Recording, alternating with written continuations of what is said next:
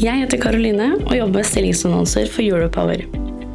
Europower har mer enn 7000 abonnenter, og podkasten du nå lytter til, har mer enn 300 ukentlige lyttere. Hvis du er på jakt etter ny jobb, se stilling.europower.no. Ta også gjerne kontakt med meg dersom du ønsker å annonsere ledige IT-stillinger i fornybar energibransje.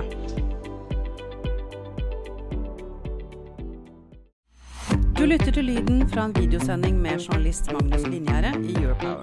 Hele sendingen kan du se på europower.no. Hei og velkommen til Kraftkommentar med Europower. Jeg heter Magnus Linjære. Vi skal se litt på hva som har rørt seg i markedet den siste tiden. Og det som vi ser nå, er iallfall at eh, vannmagasinene de er på vei oppover igjen.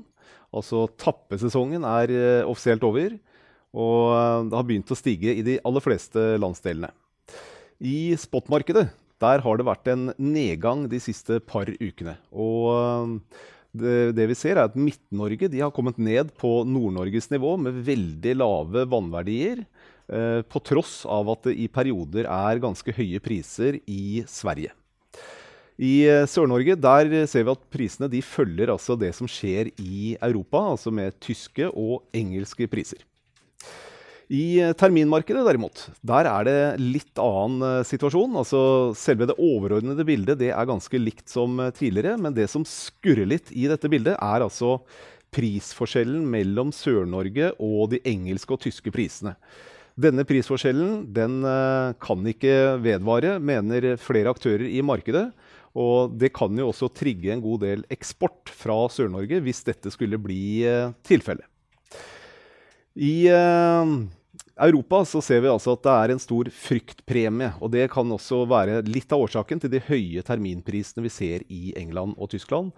Mye av frykten ligger i gassmarkedet, som altså Putin styrer med jernhånd i Europa.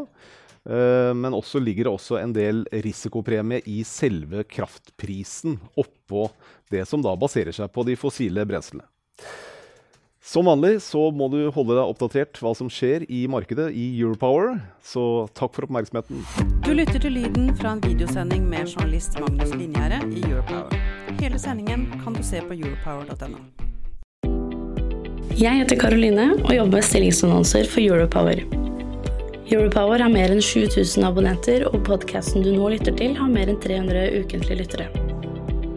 Hvis du er på jakt etter ny jobb, se stilling.europower.no. Ta også gjerne kontakt med meg dersom du ønsker å annonsere ledige IT-stillinger i fornybar energibransje.